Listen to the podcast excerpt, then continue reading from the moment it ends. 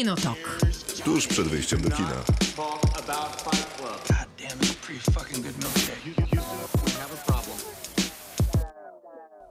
Krzysztof Majewski. Miłosława Bożek. Maciej Stasierski. Miłosława Bożek, gdzie twój zapał, energia, entuzjazm do kolejnego Słuchaj, kinotoku? Krzysztof, Dzisiaj przyjechałam 700 kilometrów, zasadziłam 6 drzew, czego kopałam też e, dużo. I byłam u dentysty, więc jest też 22. Mój entuzjazm jest dzisiaj minimalny. To niedobrze. Mamy tyle dobrych Wiem, rzeczy do zrobienia. kłócąc Będziemy się cię budzić. Będziemy te, cię budzić, będziemy się kłócić, bo to jest kinotok. Jedziemy? Nie wiem, zobaczymy. Ale pewnie tak. Tak Zakładam, że zapowiadałeś. Tak. Widziałem. To ty tak sugerowałeś. Nie, nie, ty Nie, zapowiadałeś. to ty. Nie, nie. Kinotok zaczynamy, czyli audycja o filmach i serialach, która również jest podcastem. Podcast pojawia się jutro, czyli we wtorki, wszędzie tam, gdzie podcastów można słuchać, czyli na przykład na Spotify'u, chyba przede wszystkim tam. Tam szukamy pięciu gwiazdek i kolejnych subskrybentów, którymi możecie zostać, do czego serdecznie zapraszamy. Was i waszą rodzinę i waszych przyjaciół. I dalszych znajomych, i dalszą rodzinę, a my będziemy rozmawiać o rzeczach paru. Zaczynamy od w robocie. W robocie jest japońskie. Mianowicie pytaliśmy o filmy, seriale i różne takie rzeczy, które są albo pochodzą z Japonii, albo opowiadają o Japonii, albo jest tam jakiś motyw japoński, który y, cenicie. I tych głosów pojawiło się sporo. Gdybyście chcieli jeszcze coś dopisać, y, Messenger, Radia Ram i Kinotoku czeka na wasze głosy. Japoński film, serial, motyw japoński pojawiający się w filmach, serialach to jest ten temat. Więc najpierw wasze głosy, później nasze głosy, no a następnie przyczynek do tej rozmowy, czyli serial Tokyo Vice, który zakończył się na HBO Max. W piątek. Tak, w piątek. Następnie, jak Nie już pomogłem ci porozmawiamy chyba. o Japonii, dziękuję Maciej, Bardzo proszę. to będziemy rozmawiać o filmie. O filmie Mała... O filmie Mała Mama Selin Siamy. A moje zawahanie wynika z tego, że nie pamiętałem, jaka jest kolejność. Filmie, który miał premierę na festiwalu w Berlinie jeszcze chyba półtora roku temu. Bardzo Więc- dawno, tak. Tak. Więc już kawał na Nowych czasu temu. Horyzontach w Polsce pierwsza premiera też już dawno temu. I to Kiedy ogóle- oglądaliśmy na Na festiwalu. Nowych Nowego Horyzontach, tak. Tak. I to jest bardzo zaskakujące. Rok temu? Bo dlaczego ten film tak późno wchodzi do kin? Ja nie wiem. To trzeba pytać Stowarzyszenie Nowe Horyzonty. pandemia tutaj mogła Pewnie na to tak. wpłynąć. E, Myślę, że tak, chociaż z drugiej strony to jest też taka dystrybucja raczej mała, więc. e, Równie nie dobrze wiem. można było zrobić to wcześniej. No ale okej, film Mała Mama jest w kinach do obejrzenia. Faktycznie jest to wybrana dystrybucja, więc musicie sprawdzić, czy wasze kina ten film grają. Ale skoro Stowarzyszenie Nowe Horyzonty jest dystrybutorem, to pewnie niebawem pojawi się na ich platformie VOD, więc będzie można nadrobić tam dla chętnych. Na koniec natomiast będziemy rozmawiać o filmie Książę. Książę to jest film Rogera Michela, nie żyjącego już, reżysera między innymi Notting Hill. Tak, dobrze mówię? Chyba głównie Notting Hill. Tak, Notting Hill je, głównie. Głównie, tak. Głównie. E, czyli takiego specjalisty od e, takiego mm, rozrywkowego, mainstreamowego kina e, Brytyjskiego. brytyjskiego dla dorosłych. Można to tak określić? Tak, myślę, że to jest bardzo Świetnie dobre to określenie. Taki mamy plan na dzisiaj. Do tego planu zapraszamy. Najlepiej oczywiście towarzyszyć nam właśnie przy pomocy Messengera. Tam najróżniejsze głosy, chociażby w sprawie tych japońskich filmów, seriali zbieramy. Kinotok. Film.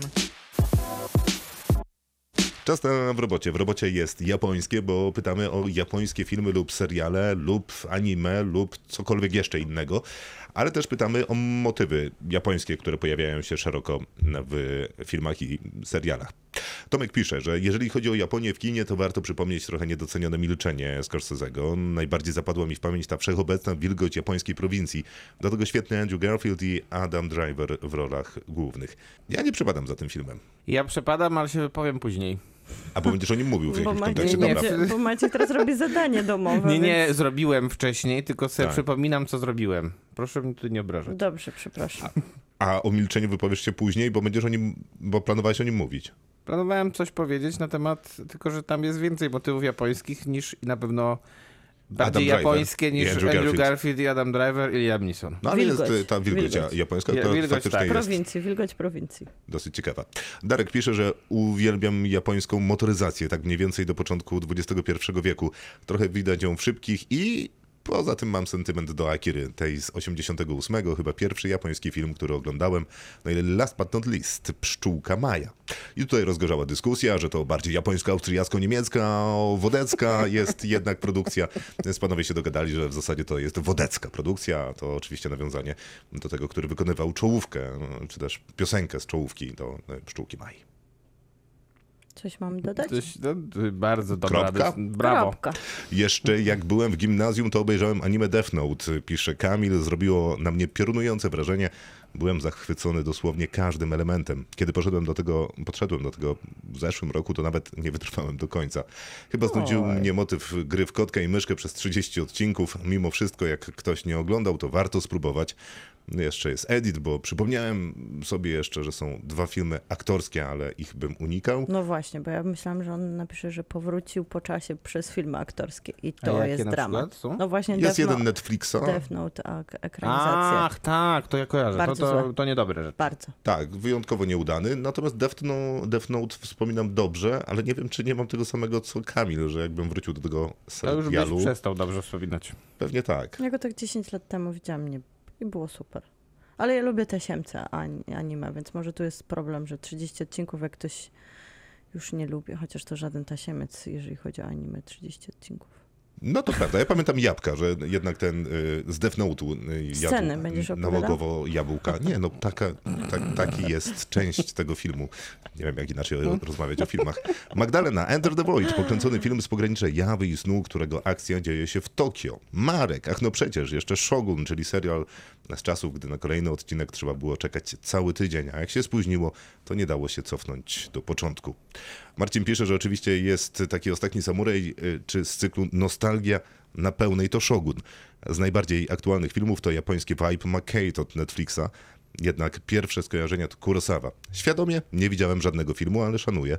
Mam to szczęście, że pracuję jako kinooperator i ostatnio miałem tę możliwość, że wyświetlałem z taśmy 35 mm film Run.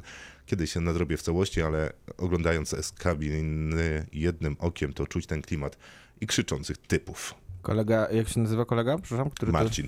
jest operatorem w Iluzjonie? Tak jest operatorem O w. Iluzjonie. Fajnie. Tak, bo mój kolega ostatnio był właśnie na Run i mówił, że jest to wspaniały film. To jeszcze się wytłumaczę, bo zajrzałem na profil Marcina po tym, jak napisał, że jest Rozumiem. kinooperatorem. Chciałem wiedzieć, w którym kinie. Rozumiem. No Więc ja, nie ja najgorzej ma w Iluzjonie, bo to Nie najgorzej. dobre kino jest. Dobre, ja niestety muszę się przyznać yy, i teraz yy, można mnie zlinczować. Nie widziałem ani jednego filmu Akiry Kurosawy i troszkę mi wstyd. Ja widziałem dwa. Nie, ja widziałam jeden, więc proszę chyba nie Aha, bez przyczyny dobrze, się to- spotkaliśmy w tym Tak, bardzo możliwe. programie. A A jakie jak widziałeś widzieliście? Kurosawę? powiedziałem- Ja widziałem e, Ran i Tr- Tron we krwi. A, tak? I dobre?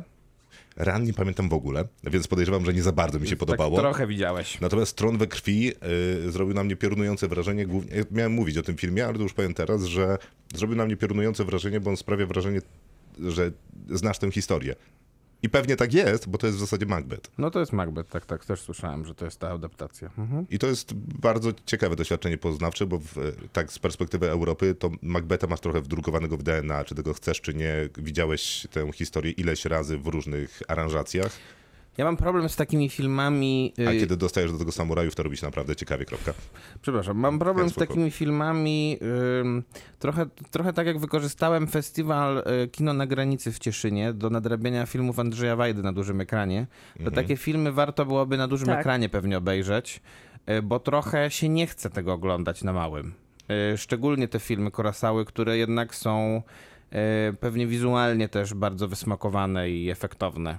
No tak patrzę w lewo, w prawo, widzę nowe horyzonty za rogiem. Oni trochę zaczynają wracać do klasyków, ponieważ jak sami przyznali, no to awangardowe kino dalej będzie ich interesować, ale tak się składa, że nowe pokolenie wchodzi do kina i chciałoby obejrzeć też klasyków na dużym ekranie. No to Dokładnie. tych przegapionych być może obejrzymy dzięki nowym horyzontom.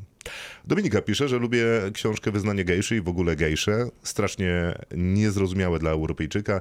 Mm, Chociaż bardzo podobna do starożytnych heter. Uwielbiam japońskie bohaterki z Kill Billa, czyli O Ren Ishiru i Gogo Yubari. I jeszcze Samuraja Jacka. Niestety problem z Samurai Jack wyznaniami w całości gejszy... trafił na HBO Max. Tak, to prawda. To jest dosyć istotna wiadomość dla wszystkich fanów i tych, którzy Albo się ty, na animacji nie, nie, nie. wychowywali. To jest jeszcze bardziej istotne dla tych, którzy nie widzieli. To jest prawda.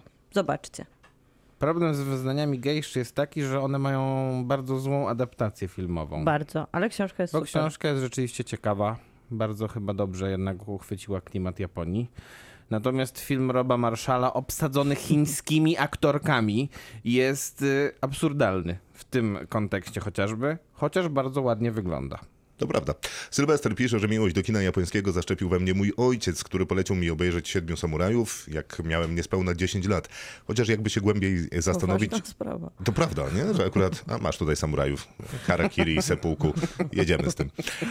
Y, Chociaż jakby się głębiej zastanowić, to moja miłość do kina to w ogóle zasługa mojego taty. Uwielbiam... Pozdrawiamy. Tak, Macie, gdzie jest ty? Gdzie Ja też pozdrawiam. Mój ty? ojciec też, e, mój ojciec też mi zawsze polecał Tron we krwi z kolei. Obejrzałeś? Nie, no właśnie nie jeszcze. Aha, aha. Ale polecał. To nie znaczy, że wszystko, co mój ojciec poleca, musiałem zdążyć już obejrzeć. To jest dużo polecał po prostu. Dużo, bo on też Bergmana oglądał i Feliniego. Dużo. No to trudna jest sytuacja, tak, Tak, dużo tak. oglądać Bergmana jednak. To A takie... Bergmana jest dużo Tak. do obejrzenia i on też dużo oglądał. tak Tak, tak. I, I Feliniego też dużo oglądał, Ale to nie to już lepsze tak emocje. bardzo. Aha, no tak, po Bergmanie to trudno. Uwielbiam kino dawnych mistrzów jak Kurosawa, Ozu, a przede wszystkim Kobayashi z jego buntem na czele, a także japońskie kino grozy. Z filmów o Japonii bardzo lubię i często wracam do Czarnego Deszczu Scotta, Duszna atmosfera, Yakuza i znakomity Michael Douglas. PS, mam skromny tatuaż jako hołd dla jednego z moich ulubionych filmów, Bunt właśnie i aktorów. To zdjęcie tatuażu jest na naszym Facebooku w sekcji komentarzy pod y, tym postem w robocie. Ja otworzyłem to zdjęcie i polecam, żeby zrobili to wszyscy. Tatuaż jest naprawdę znakomitej jakości. Natomiast mnie interesuje, jaka to jest część ciała. Trochę Nie boję się wiedziałam. pytać, ale jakby ktoś miał otwartego Messengera, Facebooka, rzuciłby okiem, napisał na Messengerze. Jak ktoś dobrze wylosuje, potwierdzimy to u Sylwestra, to się i nagroda pewnie jakaś znajdzie. Paulina po pierwsze Studio Ghibli, chyba w całości, choć specjalne miejsce w moim sercu zajmuje księżniczka Mononoke oraz mój sąsiad Totoro, zwłaszcza, że ze względu na występujący tam kotobus. Po drugie, grobowiec świetlików, choć sponiewierał mnie bardzo. Wspomnieć również wypada moją ulubioną dobranockę, czyli Muminki, które niby są skandynawskie, ale jednak animacja japońska. I na koniec film, który wydaje mi się, że recenzowaliście i nie byliście A to nie zachwyceni. są plecy? Plecak. Nie są plecy? Włoski, włosy są na górze. I nie byliście zachwyceni, już kończę, czyli y, ptak, który zwiastował trzęsienie ziemi.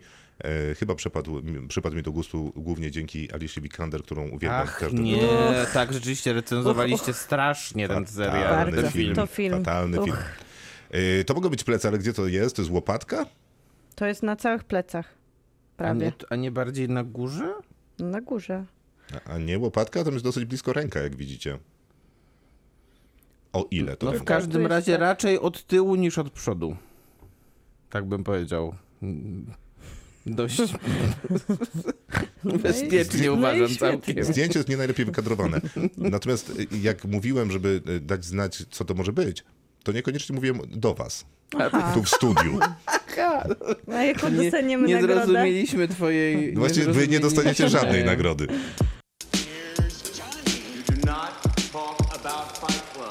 Kinotok. Film. Jednak klata. Jednak? Tak mówią Odpisał pan? słuchaczki. Nie, A. nie, tak y, utrzymuje Zofia i Paulina. Mhm. Utrzymują. Taka bardzo ogolona? Dobra, przepraszam.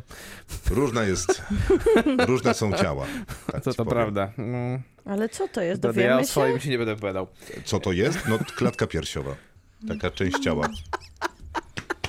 Tutaj. Dobrze, dobrze, że to zrobiłeś Mi- tak po Miłka- japońsku. Miłka, czy Japonia była dla ciebie ważna? To był King Kong. Sytuacja jest niezręczna, bo właśnie dostałem nogę z tatuażem, Teraz? więc być może wywołaliśmy pewną lawinę. Ale to jest ta sama osoba teraz wysyła ci nogę? Znaczy nie mnie, nam, bo to jest nasz messenger kinotokowy. A, okej, to już sprawdzam. Okej. Ale tam jest nawiązanie, poczekaj, w każdym razie mam... No przeczytaj, a nie możemy... W każdym razie ja również mam tatuaż nawiązujący do kultury japońskiej i jest on od, ra... e, jest on od razu rozwieje wątpliwości na nodze. Potwierdzam, jest on na nodze, a jest to, zakładam, kwitnący kwiat wiśni. Albo coś. Mm, jest kwitnący kwiat wiśni. No, Wiemy, że jest to noga po zdjęciu. No słuchajcie, jest to bardzo ładny jak- też tatuaż. jest Bardzo bardzo, ładna ładny, noga tak, tak. też. Też noga świetna. Świetna noga. E, Ta klata też, nogi. jak już wiemy, że to Pozdrawiamy. klata, to Klata też wzorowa. Tak, Ale wszystko wygląda- dobrze. Ale jak piękne wiemy? plecy. Jak to wiemy? Aha, bo tu jest napisane ja tam... Dobra, dobra, już przepraszam. Tak, słuchajcie, Mhm. jak widać, Japonia jest ważna w życiach ludzi. Bo mają Zastanawiam się, czy Japonia, filmy o Japonii lub seriale były ważne w waszych życiach. Mi się wydaje, że trochę już mieliśmy podobny w robocie kiedyś, bo dużo rozmawialiśmy To o nie jest anime. odpowiedź. Właśnie, Miłka, No unikasz wtedy odpowiedzi. oczywiście mówiłam, że bardzo. Ale możecie też rozwinąć tą myśl wy. Za ciebie, czy Proszę, nie mogę się doczekać. Maciej? Co takiego jeszcze raz? Pytanie możecie zaskoczyć, chociaż pojawia się co Nie, tydzień. nie, nie była ważna nigdy dla mnie. E, A i- Godzilla? Przepraszam, źle. A te Dzień bajki dobry. wszystkie, co Anime. były na jakichś tam e, takich e, dziwnych kanałach, to one są z Japonii wszystkie, nie? No, No, zależy, Nie wiem, o których pytasz. bajkach mówisz. jakieś tam Tsubasa, ten takie, co biegali, ten grali Z w piłkę mateczki, nożną, Majteczki. ten Pokemony, to są z Japonii, nie? Pokémony to na pewno, O, Tsubasa Tsubasa na też. 99%. Też mi się tak To ja to lubiłem bardzo. No nie, no, Tsubasa był świetny. To, jest, to było niesamowite boisko, bo się biegło pod górę. Nie, I- bo oni biegli tak daleko, że była krzywizna Dokładnie. planety już. To jest, A, to jest no najlepszy dokładnie. dowód dla płaskoziemców, że się mylą. To jest prawdą. Ale długo biegli zawsze, zauważyłeś? To boisko było też takie bardzo duże. Biegli na przykład trzy, trzy odcinki. Znaczy wiesz, skoro strzał mógł trwać 4, To prawda. to też. boisko mogło być w sumie małe. A, a, a obrona bramkarza też trwała czasem ze dwa odcinki. Uaa, Zwłaszcza jak był tygrysi i, strzał. czasem, I czasem bramkarza wciskało do bramki. To było też interesujące. Tak, tak, to było bardzo dobre. No, poza tym piłka się paliła, to też To był, jednak tak, pewien problem. To był dobry serial. Dobry, dobry. Rea- paradokumentalny jednak. Mateusz jeszcze pisze, że japońskie filmy prezentują według mnie i dla mnie tak odmienną kulturę, wrażliwość, a czasem kompletny jej brak, znieczulicę, że jest w wielkiej części dla mnie niezrozumiałe. Fascynująca jest natomiast zabawa obrazem, dobierane kadry, ruchy kamery, czy czasem ogromna stateczność kadrów. Ciekawy jestem Państwa audycji dzisiaj, może pomóc mi dotrzeć przepraszam, dorzucić kilka procent zrozumienia do tego obcego świata i kina. Pozdrawiam serdecznie i my również pozdrawiamy. Będziemy też y, zaczynać. Czy mam to robić, czy chcecie? Możesz zacząć. Zaczynaj. Znacie pewnie Hirokazu Koredę, jest teraz ze swoim nowym filmem w, na zabrał, festiwalu w, zabrał. w Cannes. Ja, ale mam chyba niezłe uzasadnienie. Jest ze swoim nowym filmem na festiwalu Cannes, a chciałem dwa słowa tylko o złodziejaszkach powiedzieć, ponieważ to A, było to trochę... to mam nie inne. zabrałeś To jednak. świetnie. Bo to było chyba moje pierwsze zetknięcie akurat z trochę inną, chociaż może właśnie to nie było pierwsze, ale takie, które ja zapamiętałem, więc uznaję je za pierwsze. Y, Z tą taką Japonią w innym stylu, z tą Japonią na delikatnie, nie właśnie pełną y, samurajów, z jakimś takim brutalizmem, tylko z Japonią taką, no właśnie codzienną, taką, gdzie życie się toczy. I to było bardzo przyjemne doświadczenie i w ogóle chyba wolę tę twarz Japonii aktualnie, chyba właśnie przez to, że została strasznie przejedzona ta samurajszczyzna szeroko pojęta, głównie przez Zachód. I to już nie jest takie przyjemne w oryginale, mimo że ten trąb krwi dalej mi się dobrze układa w głowie. I mam też takie rzeczy, które chyba w ogóle możemy wyrzucić, ale popularyzujące, nie? Bo są wyznania gejszy, to już mówiliśmy o tym. Jest Ostatni Samuraj, to też już o tym mówiliśmy. Jest Studio Ghibli, wytwórnia Toro, nie? A ja bym tego ja Toho, chciał przepraszam. na tym, od, Ale na tym, nikt ci nie broni. Chciałbym się po, na tym ostatnim samuraju skoncentrować, bo ja Mhm. oglądałem go pierwszy raz wczoraj. O, okej. Yy, I uważam, Tak. że. Maciej uważa. Po pier... y, Znaczy zainspirowało mnie, zainspirował mnie ten Ken Watanabe z, z Tokyo Vice, żeby obejrzeć tę jego pierwszą hollywoodzką rolę, bo to jego pierwsza hollywoodzka jasne. rola w 2003, trzecim chyba. Zresztą nominowana do Oscara y, rola. Fenomenalna uważam. Y, I ten film, mimo że nie starzeje się najlepiej, to jednak mm, jest takim trochę młodszym bratem Gladiatora. I wydaje mi się, że Ho, ho, ho, ho. Wiedziałam, że będzie mina. nie jest mu tak daleko do niego wcale. W sensie nie jest to udany film do końca, dlatego że Ed- pamiętam. Edward przyznać. Zwick, który jest jego reżyserem, nie jest dobrym reżyserem. E, Natomiast broni się w nim bardzo dużo, bo jest spektakularnym filmem. No a poza tym relacja, która jest wytworzona pomiędzy Kenem Watanabe, czyli tym generałem Katsumoto, a bohaterem, którego gra Tom Cruise, jest bardzo ciekawa. Ja mam jednak wrażenie, że największym problemem tego filmu jest Tom Cruise. Serio? Tak. Wow, okej, ja uważam, że jest bardzo dobry. Tom Cruise czy film? W Tom Cruise, w tym filmie. Aha, to nie, to ja nie mogłem go znieść. No przykro Nie mi. No od- Nie pamiętasz nas pam- na zwolnieniu Hans to, Zimmer? To, to pamiętam. Jadą, ostatnia szarża na karabiny nie maszynowe. pamiętam tego dobrze. Pra- dziwię się, że polska flaga nie, bo powiewa. Pamiętam to szczerze bardzo źle. W sensie wspominam to jako nieudane kino. No ja też. I A ja nie. Niezłą próbą Ale jest to, że to jest duży zmieni. hollywoodzki blockbuster, taki mm, patetyczny Bardzo. i nigdy do niego nie wróciłem. Nigdy nie miałam planu nawet. A lubi się wracać do takich filmów, nie? Bo tam oglądasz Bo nawet w tle. Gladiator. No, bo Gladiator. 16 razy. No nie wiem, czy w życiu 16, Krzysztofa ale Majewskiego. pewnie dużo. E, Agnieszka pisze, że jeszcze, jeszcze Norwegian Wood. Nie tak dobre jak książka Murakamiego, ale jednak przepiękne, tak totalnie inna rzeczywistość, rozwijające, intymne. E, To dalej głosy na temat Japonii zbieramy na Messengerze albo Ramu, albo Kinotoku, jak wam wygodniej. E, więc ta ciepła twarz Japonii to za nami, ta popular, popularyzatorska, najbardziej znana, najbardziej przerobiona przez Zachód, to chyba też za nami, ale idąc jeszcze... Jeszcze między słowami tam dorzuciła. No, na Można. pewno. Do tak, tego tak, tak. kosza twojego. Na pewno można. Popularyzowania, a też takiego No, chyba też przez białego człowieka opowiadanego. więc- Przez naszych słuchaczy było tak. Więc między słowami trochę strzela na boki, Mhm. nie? Jeżeli chodzi o to, jak ta Japonia faktycznie wygląda, to oni sobie wzięli to, co im się z Japonii Tak, podobało. co im się podobało. I do widzenia, co jest pe- też oczywiście prawem filmowca. Nie ma w tym akurat niczego złego. Zwłaszcza Sofii Kopoli, Zawsze która, jak świeży, ktoś- tak. która szczerze mówi o swoim uprzywilejowaniu. Mhm. Y, No więc sięgnąłem sobie jeszcze do takiego filmu jak Ring, który pewnie wszyscy widzieli i wszyscy pamiętają. I to jest w ogóle ciekawe. Nikt nie chce oglądać drugi raz. Nie, no absolutnie. Ale ten azjatycki nie jest taki nieprzyjemny jak ten amerykański. Nie, no, ja widziałem ten japoński No. Polemizowałbym. i naprawdę to ten mi zrobił tak? problem. Nie, ten, ten amerykański więcej zrobił bólu. Mo- może, wiesz, może w duecie występują jeszcze w jakiejś katastrofie. No i później po- w ogóle pojawiła się taka seria y, amerykańskich remake'ów Mhm. japońskich horrorów, nie? Tego było dużo, bo zaczęło się od Ringa, Ring był chyba w 97 czy 98 A też roku. miał chyba z trzy odsłony. Tak, tych ale ja mówię o, o pierwszej japońskiej, Mhm. to była końcówka lat 90., ta pierwsza amerykańska to był początek lat 2000, no i później pojawiło się Dark Water, co chyba nawet nie miało tłumaczenia w Polsce, pojawił się Też był remake. Też był remake. Tak, tak, tak. E, Pojawiła się klątwa przecież z Oj, części, nie wiem ile, pięć chyba by już jest w tym momencie. E, Był taki film Apartament I numer jego. e, 1303 najprawdopodobniej i też był remake, zresztą był całkiem niezły film, w sensie mam, dawno go widziałem, ale to nie naprawdę kojarzę niezłe wrażenie na mnie robił i tych remake'ów było jeszcze całe mnóstwo, więc ten okres inspirowania się Japonią przez Amerykanów, czyli tam się sprzedał, to u nas się też sprzeda, spróbujmy to zrobić, trwał No ale dosyć tak długo. z raz może się udało.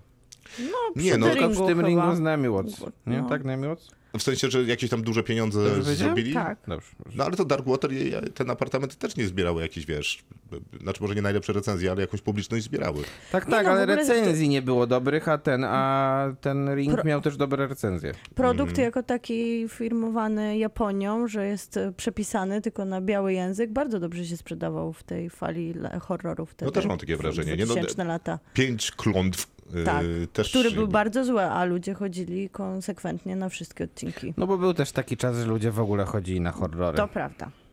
Jedzenie to japońskie, o którym O, całkiem niedawno wiedziałam, rozmawialiśmy w kontekście Pachinko. Mhm. Y, To jest taki film, który w ogóle zrobił jakąś świetną karierę w Polsce. Krótka bardzo dystrybucja kinowa, a później bardzo dużo... To jest y, tytuł? Nie, zaraz przejdę do tytułu. A, bardzo to- dużo pokazów takich z różnych okazji, czyli Kwiat Wiśni i Czerwona Fasola. Fantastyczny też mam Mhm. na liście. Film reżyserii Naomi Kawase. Tak Bardzo dobry, jest. naprawdę. Bardzo dobra rzecz. Zresztą do dzisiaj mam tę czerwoną fasolę u siebie w szufladzie i obiecuję sobie, że zrobię tę pastę. Zresztą bardzo ciekawa reżyserka. Taka troszeczkę, troszkę jakby, nie wiem, starsza siostra, czy siostra generalnie właśnie Koredy chyba. W takim Tak, kontekście troszkę klimatycznych filmów, klimatu. rodzinnym. Chociaż może jeszcze taka bardziej czuła, a A jednocześnie to mniej popadająca w banał. filmie chyba, No wydaje tak, mi się. to prawda, to prawda. Jeszcze Hero Dream of Sushi, on też robił wielką To karierę jest moje, Polsce. to Giro, y, to, Giro. a może, może i tak będzie właściwiej, ale y, to mój następny punkt na liście. Raz zrobił świetną karierę, a dwa, że to jest naprawdę dobry Tak. dokument, bo to jest dokument o, o Giro Ono, tak, prawdopodobnie. Na O Giro pewno Ono, o takim te wszystkie nazwiska. No nie, na pewno, na pewno. I od razu przepraszamy wszystkich, którzy tego słuchają i to jest nasza wina, y, ale no co zrobić. I on prowadził restaurację i to ona miała w pewnym momencie trzy gwiazdki Michelin. A się znajdowała w metrze. Tak, i no, serwował tam jakieś niewiarygodne sushi. Bardzo dobry dokument, on jest na pewno dostępny gdzieś na platformach Mhm. streamingowych w Polsce. E, Też jest niedługi, z tego co pamiętam, więc wszystko się z nim zgadza. Też już jest starszy, bo on jest z 2011, więc on był Film? przed, tak, przed Mm. tą falą, którą Dogs Against Gravity trochę zapoczątkowały wszystkie festiwale dokumentalne, że Ale po prostu się podobał. Ale doksy nie miały chyba nigdy jakoś bardzo dużo filmów jedzeniowych. Nie miały. A chociaż e, na przykład miało, ale to azjatyckie połączenie pięć smaków, które łączyło jedzenie z oglądaniem To filmów. był najświetniejszy pomysł, to szybko Wspaniały wytłumaczę tym, pomysł. którzy nie kojarzą. Było tak w Warszawie, że jak trwa festiwal Pięć Smaków i były jakieś danie, które pojawiały się w filmie, to lokalne, e, azjatycko, szerokie powiedziane restauracje przygotowywały te dania. Można I można było było je domawiać. No, I to była audycja online. I Można było zamówić to do domu. O, to tak genialny pomysł. E, dobra, i szybko, żeby nie przedłużać, ale naprawdę widzę No to przed oczami. się, wzruszył. E, Ten tron we krwi wspomniany, ale to z tych czasem. powodów, o których mówiłem. Jeszcze tylko jeden, jedna rzecz, y, tak może na szybko. Y, Jest taki film y, Wernera Herzoga, nazywa się Spółka Rodzinna. On jest chyba sprzed dwóch czy trzech lat. I to jest Bardzo malutki. bardzo malutki film. Recenzowaliście go zresztą. Tak. Tak, recenzowaliśmy go i to jest ciekawa rzecz. Można wrócić do naszego odcinka z tym filmem, ale pokrótce jest to ciekawa rzecz, bo opowiada taką historię o aktorze, który jest wynajmowany, żeby zajmować się graniem różnych członków rodziny. W tym akurat wypadku, tam on paru gra, ale między innymi powiedzmy ojca, który zmarł, A matka opowiada córce bardzo młodej, że ojciec wyjechał i go chwilowo nie ma, ale będzie wracał. No, Ona nie pamięta nawet, jak wygląda ten prawdziwy ojciec, więc ten aktor wciela się w, jej rolę. I tam jest dużo takich motywów japońskich, ale pokazanych trochę z perspektywy ulicy, więc trochę tak jak w Tokio Vice, tylko nie gangstersko, tylko tak ludzko, społecznie, dokumentalnie. I to jest. Mnie się podobało, chociaż wiem, że ten film nie zbiera najlepszych recenzji. Dziękuję. Ja? Proszę. No to ja bym chciała od anime zacząć. To już było trochę i pisali też o tym nasi, nasi słuchacze, ale Akira Katsumi, Katsumiro Otomo to jest coś, co zmieniło, było chyba ewolucją dla anime na świecie, bo zmieniło postrzeganie Nawet rewolucją i pewnie. rewolucją, bo zmieniło postrzeganie animacji jako takiej, ale zmieniło też postrzeganie tej japońskiej animacji. I nie bez przyczyny ten kultowy film jest do dzisiaj oglądany i do dzisiaj się broni, niezależnie od tego, ile czasu mija. To przecież najpierw była manga tego samego autora, którą on zaadoptował na ekran i zrobił to perfekcyjnie. Ten film ta animacja nadal działa z taką samą mocą, jak działała. Już o tym też mówiłam, o Teko Kinkrecie, czyli tak naprawdę też adaptacji mangi, która w latach 90. miała swoją premierę i ona została zaadaptowana, co się bardzo rzadko zdarza, przez amerykańskiego, przez francuskiego animatora przy współpracy z Japończykami. Miał swojego asystenta Hiroki Anno i się nazywa? Hi Hirokai Ando się nazywał nie, jego film. Teko Kinkret. I zdobył nagrodę Japońskiej Akademii Filmowej w 2007 roku. Mało znany, fantastyczny i też ciekawe to połączenie pomiędzy francuskim animatorem, a japońską kulturą i tym punktem wyjścia. Satoshi Kon, też o nim mówiłam, to wspaniały animator, który spro- współpracował z Madhouse, to się jeszcze pojawi. To on zrobił Paranoia Agent, to wspaniała animacja, serial. Zaczynał od Perfect Blue i na końcu fantastyczna Paprika, która podobnie jak właśnie Akira nie starzeje się, to już są lata 2000, ale jest to też takie wych- wychodzenie, taki pokłon, podobnie jak Akira, która łączy taką dys- dystopię z e, końcem świata, z taką fantazją o nadchodzącej technologicznej zmianie, który się tak bardzo nie pomylił. No i oczywiście studio Ghibli i Hayao Mizayaki, który zaczynał delikatnie od Totoro, później już brutalniej, bo Księżniczka Mononoke to chyba tacy bracia Grimm dla tej opowieści japońskiej. To jest jednak takie ostrzeżenie przed manipulacją władzy, przed wojną. I przed tym, jak zagarniamy przyrodę, i ona brutalnie odpowiada, bo to jest bajka, która nie bierze jeńców. Ona opowiada językiem pełnym przemocy. I on był tak zmęczony po tej animacji, w którą włożył tyle energii, że się pożegnał oficjalnie, aż zrobił swoje kompletne dzieło, jakim jest Spirited Away, i dostał za nie Oscara.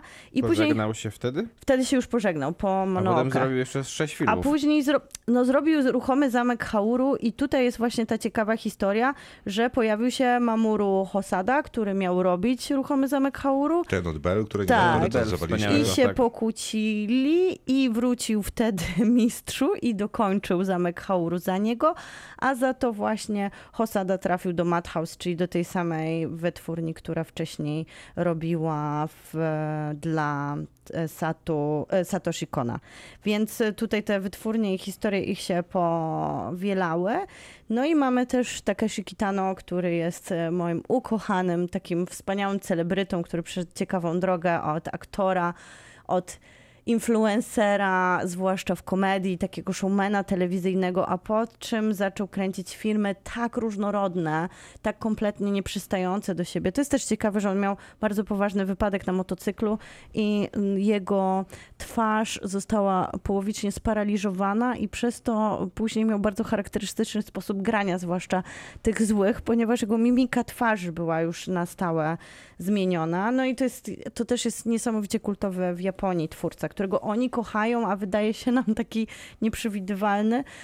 I jest też Son Siono, którego oni nie kochają, ponieważ on obnaża Japonię, drwi z niej, pokazuje jej największe problemy, często w jakichś epickich opowieściach czterogodzinnych, a czasami w krótkich metrażach 30-minutowych A ostatnio wyreżyserował film z tym, z, z Nicolasem Cage'em. Cage'em, co jest w pełni świadomością popkultury amerykańskiej, bo to był jego pierwszy amerykański film, e, nazywa się Prisoner of Ghostland. Ghostland i pokazuje właśnie taki styl Sion Sono przerobiony właśnie na modłę amerykańską. Ja znowu Koridy film bardzo chyba lubię najbardziej, naszą młodszą siostrę, która też jest właśnie O, takim... jak dobrze, że trafiła, to ja, Ja, mam jeszcze wiedziałam, jeden ja inny. wiedziałam, że ty masz Jest. inny, który też jest takim właśnie wspaniałym podglądaniem tych relacji rodzinnych japońskich w taki sposób, że zdradzają nam pewne tajniki, no dla nas na pewno z perspektywy takiej europejskiej, innego rodzaju dynamiki emocjonalnej, która się tam odbywa w domach, innego załatwiania spraw, a z drugiej strony to tak naprawdę nie ma znaczenia, bo jak to oglądamy, to się wzruszamy i czujemy tą rodzinną miłość i, i naprawdę pięknie o tym opowiada. Zresztą w Złodziejaszkach jest w gruncie rzeczy bardzo podobnie. Dokładnie, tak w wszystkich jego filmach wydaje mi się, że jest podobna narracja. Raisuke Hamaguchi, ja Wiadomo. oczywiście wracam, po, polecam wracać do jego wcześniejszych filmów od tych dwóch ostatnich najbardziej znanych. Happy Hour jako czterogodzinny miniserial zamknięty w filmie i wspaniały melodramat Asoko Dzień i Noc, który odpowiada na, dla wszystkich chyba fanów mangi. I ostatnio udało mi się znaleźć film Takashi Miike, który zrobił To jest ostatnia propozycja o, bardzo szybko już te gatunki powiem. E, zrobił Czy Audition. gatunki? E, to jest gatunek. To jest 90. lata 90., 99. Naprawdę polecam wszystkim. To jest film, pamiętacie, kiedyś robiliśmy taki chyba w robocie, że filmy, które się tak nagle zmieniają w inny film gdzieś po środku i chociaż miały nam opowiadać jakiś na przykład melodramat Ja albo kino gatunkowe, no to a, Audition Hybrydy. jest taką hybrydą e, jeszcze przed tym, jak słowo hybryda było modne i zaczyna od takiego trochę dramatu, romansu i zamienia się w krwawą jatkę. Jest to bardzo płodny reżyser. Na przykład w latach 2001-2002 wyreżyserował 14 filmów. Taki człowiek.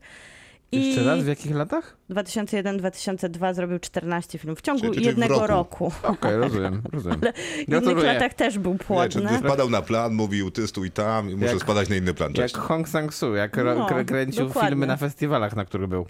I Battle Royale Skończyłem. wszystkim trzeba przypomnieć jako kino, które zmieniało też obraz Japonii, ukształtowało naszą popkulturę. To myślę, że to jest kino, do którego też warto wrócić. Potem Jeżeli się ktoś. inspirował o tym... e, Wszystko się tym tak. inspirowało. Wyślijmy gdzieś grupę ludzi, dajmy im broń i każmy Niech wygrać i No, niech ale się bawią. mi- To... między innymi Igrzyska Śmierci. Tak, tak oczywiście. Bardzo No ten, mocno. ten motyw. I Aktualnie w grach super popularny tryb. I to właśnie Battle Royale rozpoczął taką franczyzę, która rozlała się na cały świat. Fantastyczne kino się nie zestarzało. I ja już kiedyś robiłam recenzję One Count of Dead. To jest film, o którym nic nie można powiedzieć, bo spoiler tutaj zepsuje całą radość. Polecam na Mubi. Do zobaczenia w całości. Widziałem już e, e, spojrzenie Maćka, które po prostu pachniało spoilerem. Maciej, Nie, czy, nie, bo nie znam nie, nie filmu. widział. czy, to zrobi, czy zrobisz to ekspresowo, czy zaraz? Zrobię ekspresowo.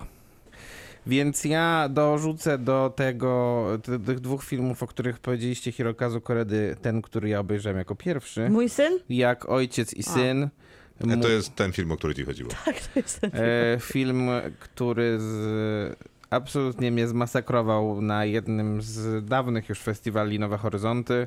Mm, e, Film, który jest oparty o historię, na historii takiej, która nie powinna się udać generalnie filmowo, bo na przykład ostatnio Pedro Almodovarowi się nie udała. To znaczy o, ty, o tym, że dzieci zostają zamienione w szpitalu. Natomiast no jest to nieprawdopodobna wrażliwość. Uważam, że Hirokazu Koreda nie powinien kręcić filmów e, Żadnego następnego. innych niż e, takie właśnie. No a niestety ostatnio mu się zdarza kręcić inne. E, Bo chociażby film z, z Catherine Deneuve i Juliette Binoche, który oglądaliśmy i nie pamiętam już nawet jak się nazywa, Prawda. Prawda, chyba, tak? Prawda. Prawda z Dokładnie. ogrodu, mam takie wrażenie, bo z niego nie wychodzimy w tym filmie. Prawda. E, e, Ja spojrzałem sobie na tą, dysk, na tą filmografię tego Kena Watanabe, więc obejrzałem tego ostatniego samuraja. Zacząłem też oglądać jego drugi taki bardzo istotny hollywoodzki film, czyli Incepcję? Incepcja i powrót Batmana. Mhm. E, nie, e, Listy z Iwo Jima, film e, Clint'a Eastwooda. Bo to, bo to były jakieś dwie, dwie, dwie części tego filmu. Dwie wersje, w sensie ta sama historia, tylko opowiedziana A, tak, z dwóch jedna ze strony amerykańskiej to, To się nazywało Sztandar Tak. Chwały, a Listy z Iwo Jima się nazywa, to jest z perspektywy japońskiej. E, Z takich jeszcze bardzo ważnych postaci dla japońskiego kina, ale jednak mocno przesz, przechodzących w kino e, hollywoodzkie, to oczywiście Pat Morita, czyli e, aktor, który zagrał pana Miyagi w Karate Kid. E, I jest to myślę, że jeden z bardziej, z bardziej takich e, rozpoznawalnych bohaterów popkultury tamtego okresu.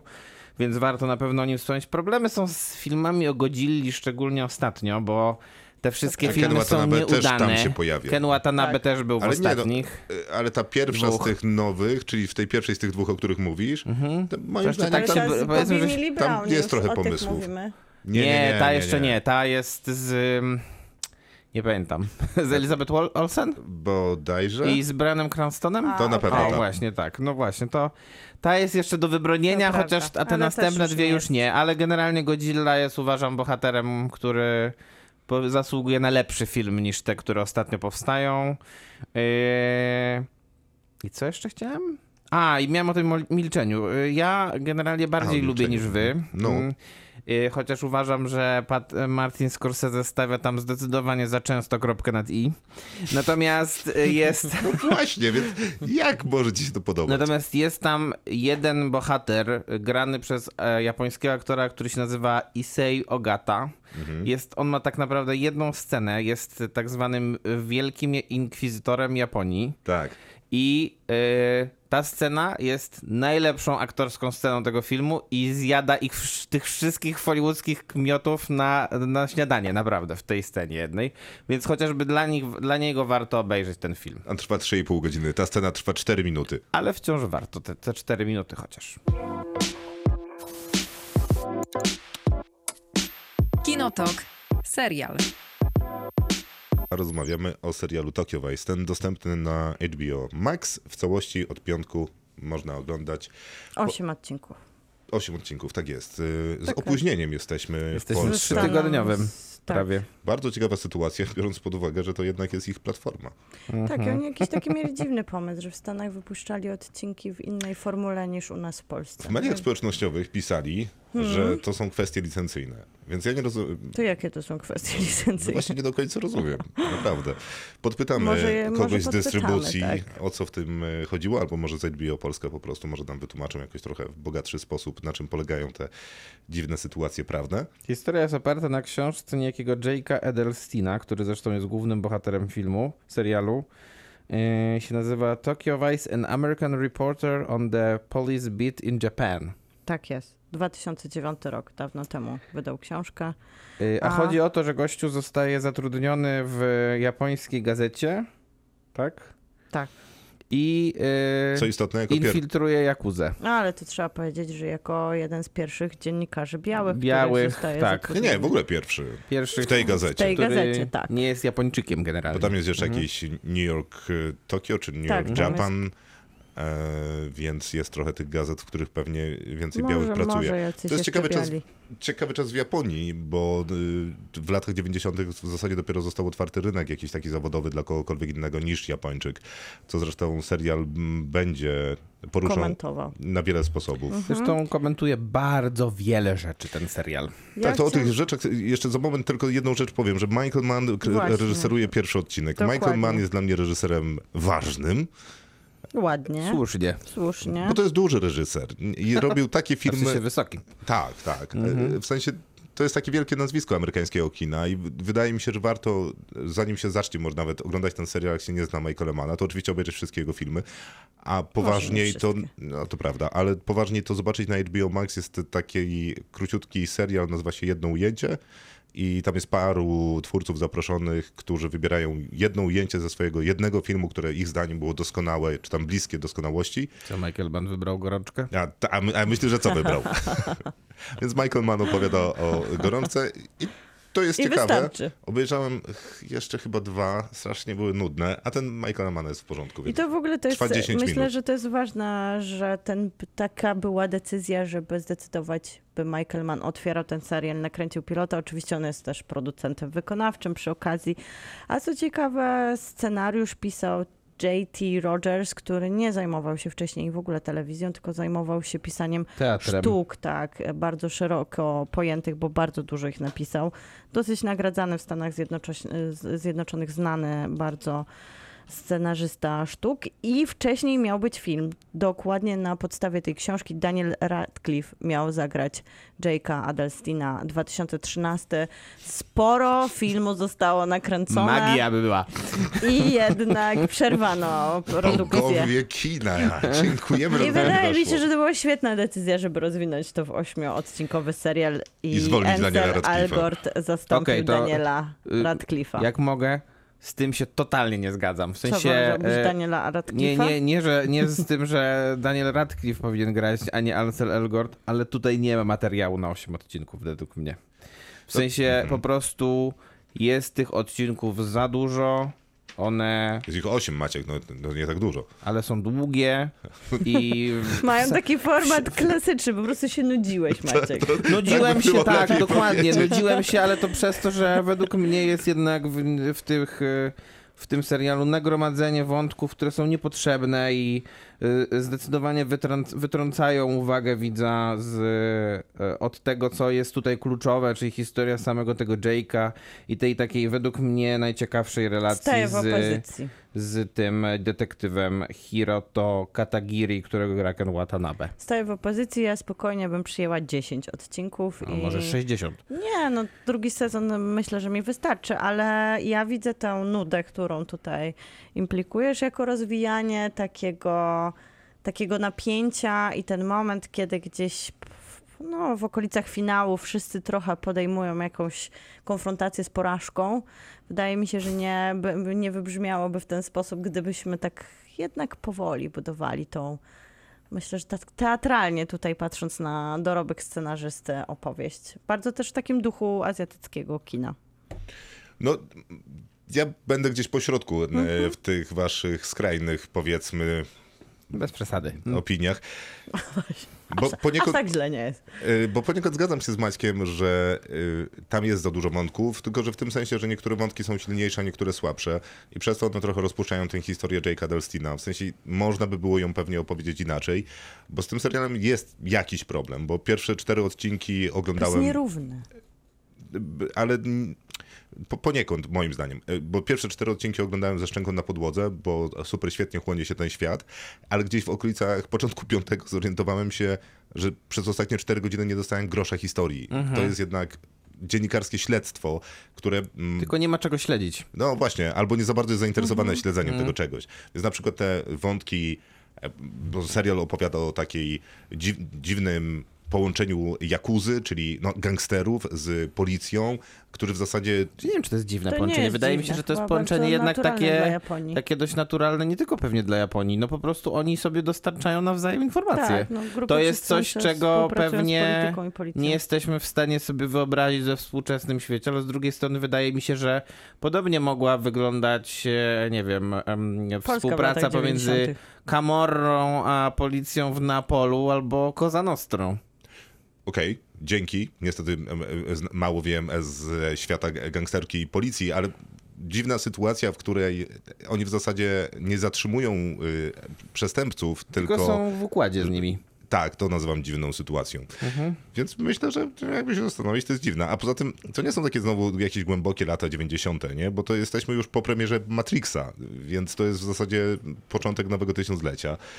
I zdaje się, że mogłoby wyglądać to zdrowiej. A jakbyśmy wchodzili To na pewno. To na pewno. w sam temat Jakuzy, nie jestem specjalistą, ale z pewnością specjaliści by powiedzieli, że no Jakuza jest pewnym ewenementem tego, że wiesz, mieli własne biura, o czym rozmawialiśmy z innym Mhm. gościem, który w Japonii mieszkał, e, w których Dosłownie udzielali oficjalne biura w mieli. których udzielali pożyczek, wiesz, z kartką tu jest Jakuza, No to jest tak pokazane w tym Troszkę jest serialu to tu też pokazane, trochę. tak.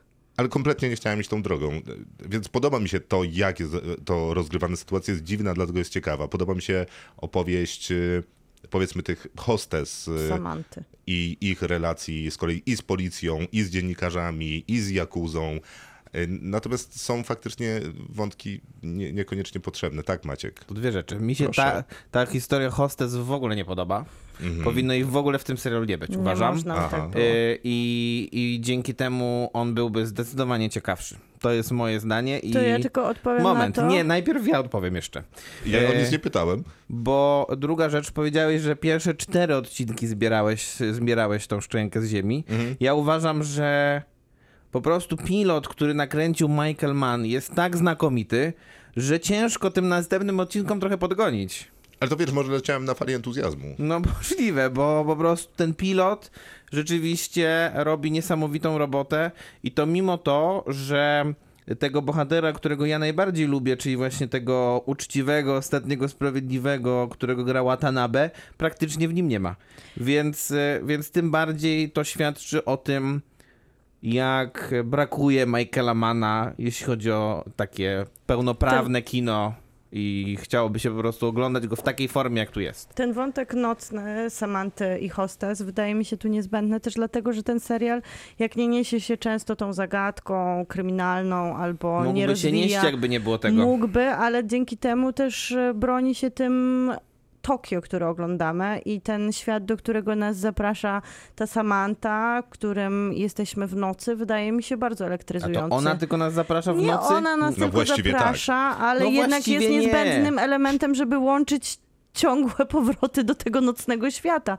Bo nie wiem, czy wystarczyłby nam Jake na imprezach cały czas, bo myślę, że byłby dobrym przewodnikiem przez kilka odcinków, ale ten, ten też e, ona jako opowieść z drugiej perspektywy białej kobiety w Japonii, Zwłaszcza, która, że ona ma też ciekawą historię, Tak. skąd w tej Japonii się wzięła. która też wykorzystuje No to tą i to białą, tą, tą swoją, ten swój kolor skóry Tak. do tego, żeby Okej, no elektryzować mężczyzn i zarabiać na drugim na tym biegunie pieniądze. w tym Ale zakresie. spróbujmy mówić y, y, pojedynczo. No to wydaje mi się, że ten, ten, ta kontra w wypadku kobiecego spojrzenia, gdzie ona też wykorzystuje, on jakby musi się mierzyć z tym, że jest biały, wyższy i ciągle jest w pracy gorzej przez to traktowany, chociaż ma elementy, z których korzysta poza pracą, żeby wyciągać informacje, będąc Amerykaninem, no to ona korzysta z tego koloru skóry, z tej inności, ona na tym zarabia i jakby bardzo mi się podoba w tej roli elektryzująca aktorka, która ma w sobie taki appeal i naprawdę w tym tej połowie ser serialu, w której ona uwodzi za pieniądze, ona uwodzi mnie jako widza również. I ta Japonia w nocy, te wąskie ulice, po których się przechadzamy, wydaje mi się tutaj niezbędna do tego, żeby ten serial właśnie przez to, że jest nierówny i gdzieś w połowie zupełnie wypada z biegu, żeby później nagle w tych finałowych odcinkach zacząć trochę bardziej nadrabiać tą warstwę kryminalną i warstwę akcji, bo tam się nagle trochę więcej Nie. akcji pojawia. Nie. Ten serial nie opiera się na takiej akcji, o której myślimy w kontekście sensacyjnym. To jest taka akcja na poziomie właśnie tego... bud- Rozmowy chyba głównie. No, dialogu, tak, i tego podglądania japońskiej dynamiki i właśnie z jednej strony świata kryminalnego, policji, tej polityki tutaj jest znacznie mniej niż się spodziewałam, no ale też tej dynamiki takiej właśnie zawodowej, bo z jednej strony to podglądanie biura oczami białego człowieka nie jest tylko podglądaniem jego, jego wchodzenia w hermetyczną grupę, ale też obserwowanie na przykład jego szefowej, która również jest dyskryminowana, więc jest, Szefowa jest znakomita. tak, jest tutaj taki kontekst wielu warstw, jak Maciek powiedział, jedną jest takiej społecznej dynamiki pracy nie tylko z perspektywy białego człowieka. Ten biały człowiek no, brzmi trochę tutaj Ganji. e, e, jak najeźdźca, Jakby tak, e, Pocahontas. ale trochę być może ten najeźdźca, bo, może inaczej. Przeczytałem gdzieś w recenzji, znaczy w jakiejś opinii, w jakimś tekście gdzieś, że po raz kolejny nie podoba mi się to, to jest cytat, że opowiadamy oczami Amerykanina o Japonii. Ja trochę tego nie, argumentu nie rozumiem, bo wydaje mi się, że to, tak, z, tak akurat nie jest. To zewnętrzne oko jest tutaj potrzebne głównie po to, żeby trochę batorzyć tę Japonię, bo serial jest super krytyczny do kraju, o którym Tak. opowiada, bo jest tam seksizm, ksenofobizm, rasizm, e, klasizm. Wszystko jest. Wiesz, i, i, więc izmów nie brakuje. Ja w sumie nie widziałem specjalnie często Japonii, która jest w ten sposób popychana, bo Japonię się przedstawia jako giganta technologicznego, jako miejsce... Elektryzujący, Tak, oniryczny że, świat. że jest specyficzny. Tak, to z jednej strony, albo z drugiej strony, że okej, jest specyficzna, ale jest taka urocza, kawaii. Urocza jak u Koredy. Y, tak, no nie koniecznie jak u Koredy, bardziej czasem kolorowa, u bardziej, bardziej taka, wiesz, anime, że wiesz, A, przebieramy się, za, sensie. Sensie przebieramy się za. Pokemony. No i kawaii szeroko pojęte, Mhm. więc wszystko tutaj pasuje. Więc podoba mi się ta Japonia z y, poziomu chodnika, z poziomu ulicy, ale jednocześnie ta opowieść o gangsterce jest chyba najsłabszym elementem, bo wszystkie te rozterki wewnątrz Jakuzy są nieciekawe, bo ten główny szef Jakuzy jako taki, no właśnie taka... Ale który główny? Bo tam nie wiadomo do końca, który jest główny. Ten, z którym współpracuje Jake, to A, on okej. w zasadzie jest takim ostatnim sprawiedliwym trochę, wiesz, takim... W Jakuzie. Tak, w Jakuzie, że jest honorowy, my tak. mamy, honor, wiesz, Bushido to jest to, co mamy wytatuowane i to jest takie prawdziwe, no ale jakby, wiesz, też łamiesz palce, yy, kroisz ludzi na plasterki, niszczysz im życie i jednocześnie jesteśmy w kraju, który ma najniższy współczynnik morderstw chyba na świecie, nie wiem, czy może Islandia ich wyprzedza. No nie jest ciekawy, ale z drugiej Nie strony... ma za wiele w tej e, Jakuzie. Ten, głównym ale z drugiej strony ten villain... Kończę, że jeszcze ten dodatkowy rozłam w Jakuzie w ogóle mnie nie porywa. W sensie Mhm. cała ta organizacja wydaje się wyjątkowo nieciekawa. Nieautentyczna. To to jest w- to tak, słowo. plus- To, to że to- tak jest To jest to słowo. A jakby celem serialu jest ten Jake Edelstein, który faktycznie no, jest w tym Tokio. Ono jest wspaniałe, ciekawe, interesujące, pasjonujące. No ale to, po co on tam jest, czyli no, zajmowanie się śledzeniem i rozwiązywaniem zagadek, zagadek Jakuzy, no, no jest Nie lekko jest. mówiąc chłodne. Jest, tak. Ale może się. to wynika z tego, jak mówiliśmy, a mówiłeś o tym odczarowaniu takiej Japonii, która jest albo gloryfikowana, albo jest taka oniryczna, ma różne łatki. Tak. Tak jak tutaj jest skorumpowana, jednak nie radzi sobie z pewnymi mitami, które stworzyła wokół Mhm. siebie. Tak też ta Jakuza była zawsze w kinie gloryfikowana, że jest taka sexy, że jest taka brutalna, że tam się dzieje, że ta hierarchia, że to jest takie, no to jest podniecające, co zwykle nam kino pokazywało w taki brutalny sposób. A tutaj to, jest są takie takie małe rzezimieszki, co siedzą w jednym mieszkaniu, załatwiają jakieś sprawy, głównie co się zajmują sprzątaniem i gotowaniem i od czasu do czasu zbieraniem haraczu. I może ta nieautentyczność, która wynika z naszego wyobrażenia, że to jest taka wielka gangsterka, że to jest wszystko takie na poważnie, że to jest takie filmowe.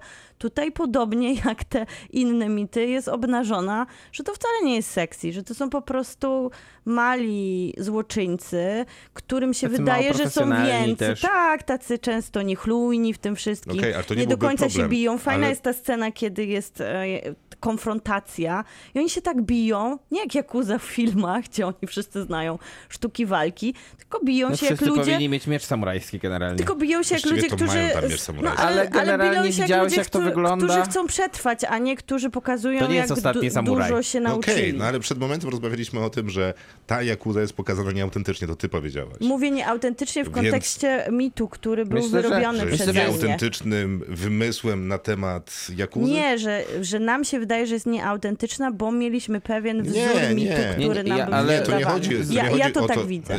Rozumiem, że tak to widzisz.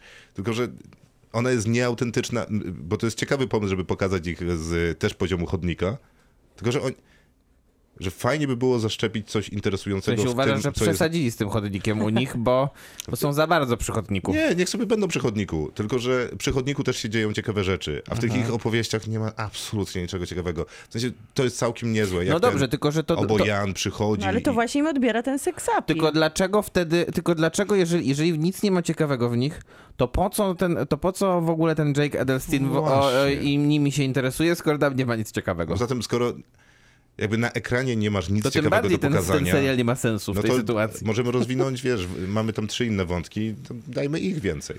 A No jest, w tle niech on sobie no ja, się, rozwiązuje ja się sprawy. nie do końca nie zgadzam, że nic nie jest ciekawego, bo jest jednak ten wątek tych em, pożyczek finansowych, które jest prowadzą... najmniej nie, no to on ciekawe. jest zakopany No kompletnie. Nie, jest jest później najmniej zakopane, ciekawe. ale jako punkt wyjścia do tego, że on się Jeżeli tym coś jest interesuje, to nie ciekawe- wyobrażamy sobie tego z perspektywy białych ludzi, żeby to się działo u nas. Jeżeli coś jest ciekawe i wydaje mi się, że całkiem nieźle wygląda i dobrze, dobrze jest skonstruowany bohater, który, który został, wokół którego ta cała historia jest nabudowana, no to to jest ten szef tego kon, jakby konkurującego, konkurującej części. Tazała, tak? Kazała, tak. On jest bohaterem, który może rzeczywiście przestraszyć. On e, jak, jak konfrontuje się z, konkre- z każdym konkretnym bohaterem, no to e, widać w tym jednak taką charyzmę samej tej postaci, pewnie też aktora, którego nazwiska nie pomnę, znaczy pewnie jest gdzieś, e, którego po, e, też nie będę próbował wymawiać może.